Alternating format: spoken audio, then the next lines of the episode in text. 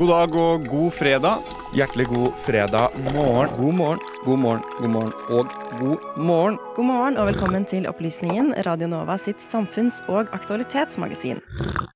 Med opplysningen 99,3 på øret, ja, da blir det en god fredagsmorgen. Opplysningen 99,3 Hver fredag fra 10 til 11 på Radio Nova.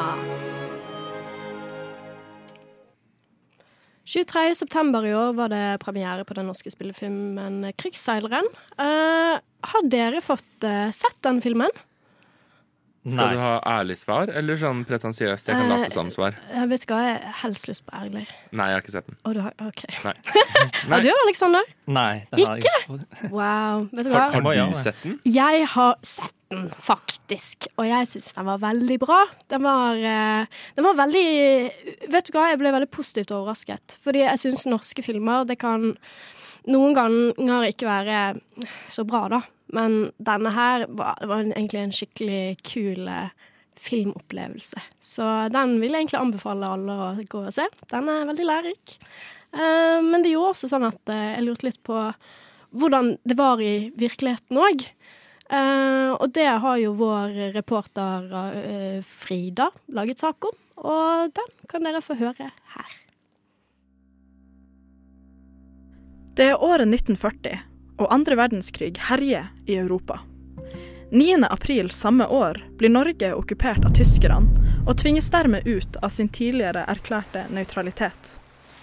Ved krigsutbruddet var den norske handelsflåta verdens fjerde største, og en stor andel nordmenn var godt rusta på sjøen. Dette skulle avgjøre Norges viktigste bidrag til alliansens seier over tyskerne i 1945. 23.9. i år var det premiere på en av de større norske spillefilmene, 'Krigsseileren'. Den handler om historien til de over 30 000 norske krigsseilerne og deres familiers skjebne både under og etter andre verdenskrig. Første del av filmen tar for seg utfordringene under selve seilinga, da sjøfolkene dro ut i konvoi for å frakte både militære og sivile forsyninger til en av de krigende partene. Her var de ofte under stor trussel om å bli senka av fiendtlige bombefly, torpedobåter og ubåter. Andre halvdel av filmen tar for seg utfordringene de gjenlevende seilerne og familiene opplevde i ettertid av krigen. Som nevnt var det over 30 000 nordmenn som ble sendt ut i seilas. Frem til freden i 1945 mista om lag 3700 krigsseilere livet, og 473 skip gikk tapt. Under krigsårene gjennomgikk de her seilerne betydelige psykiske påkjenninger, deriblant konstant fare for voldsom død, hjelpeløshet og forsvarsløshet overfor fiendtlige angrep, samt en manglende forbindelse med familie og venner hjemme i Norge. Naturligvis var det ikke bare å knipse med fingrene ved krigens ende, slik at de gjenlevende seilerne skulle bli helbreda, og flertallet opplevde svært tunge følger i lang tid. Etter krigen ga begrepet krigsseiler negative assosiasjoner. De ble forbundet med fyll, alkohol og spetakkel, og både kunnskapen og forståelsen for sjøfolkets erfaringer var veldig liten på lege- og sosialkontorene. Hva skulle de gjøre når ingen forsto hva de hadde vært igjennom, og dermed ikke ble møtt med forståelse og et lyttende øre? Mange av sjøfolkene var utslitt, noen var syke, og andre var skada. En amerikabåt som frakta gjenlevende krigsseilere, hadde kun sjøfolk som var ramma av tuberkulose om bord. Utfordringene tok altså både psykisk og fysisk form. I dag har samfunnet utvikla kunnskap om diagnosen PTSD, eller posttraumatisk stresslidelse. Vi vet hva det er, og til en viss grad hva det innebærer. Man er oppfordra til å snakke om psykisk helse på en måte som var totalt fremmed for 70 år siden. Opplevde man PTSD i etterkrigstida, så var det bare nerver, og man ble ikke ivaretatt på samme måte som dagens krigsveteraner. Dette førte til at staten ble sterkt kritisert for behandlinga av de gjenlevende seilerne, særlig i seinere tid, og nå som filmen har kommet ut, har tematikken fått et nytt lys. Ved kongens retur til Norge etter krigens ende ble han møtt med parader, flagg og feiring, da folket var glad for at han var trygg etter et femt års langt eksil.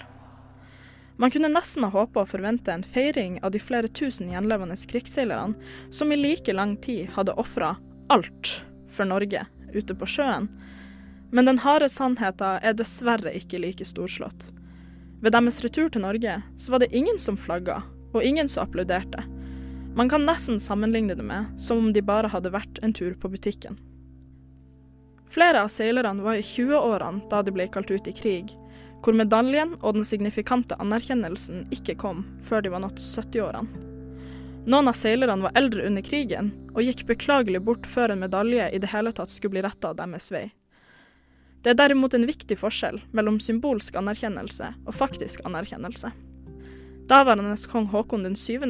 takka krigsseilerne i sin 17. mai-tale bare elleve dager etter Nazi-Tyskland sin kapitulasjon, og statsminister Einar Gerhardsen beskrev sjøfolket sin innsats under krigen som Norges viktigste bidrag til de allierte seier over den tyske krigsmakta.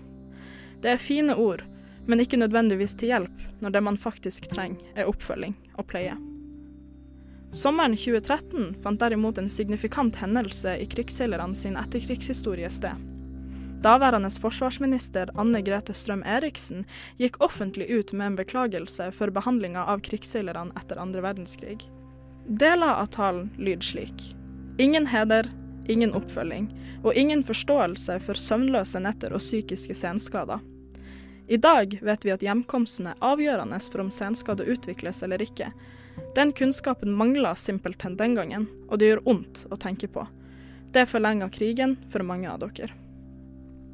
Strøm Eriksen forteller om sarte temaer fra en ond krig som skulle ta livet av altfor mange mennesker og altfor mange krigsseilere.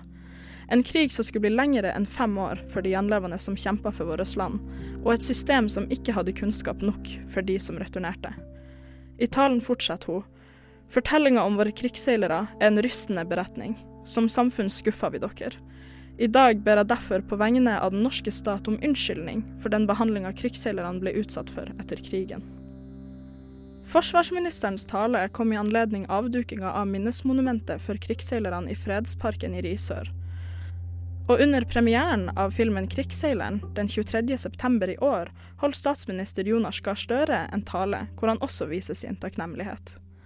Han sa for mange kom anerkjennelsen for seint. Det er jeg lei meg for.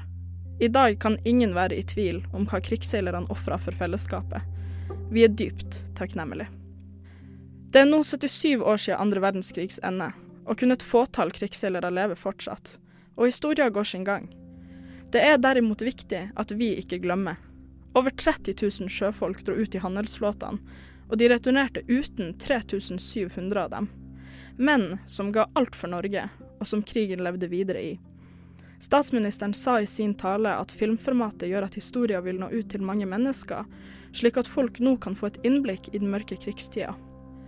I dag er vi derimot så heldige å ha et samfunn av forståelse og respekt for de følgene returnerende veteraner opplever, og det er noe å være stolt av. Reporteren i denne saken var Frida Kristine Mogård. Musikken endte fra Blue Dot Sessions.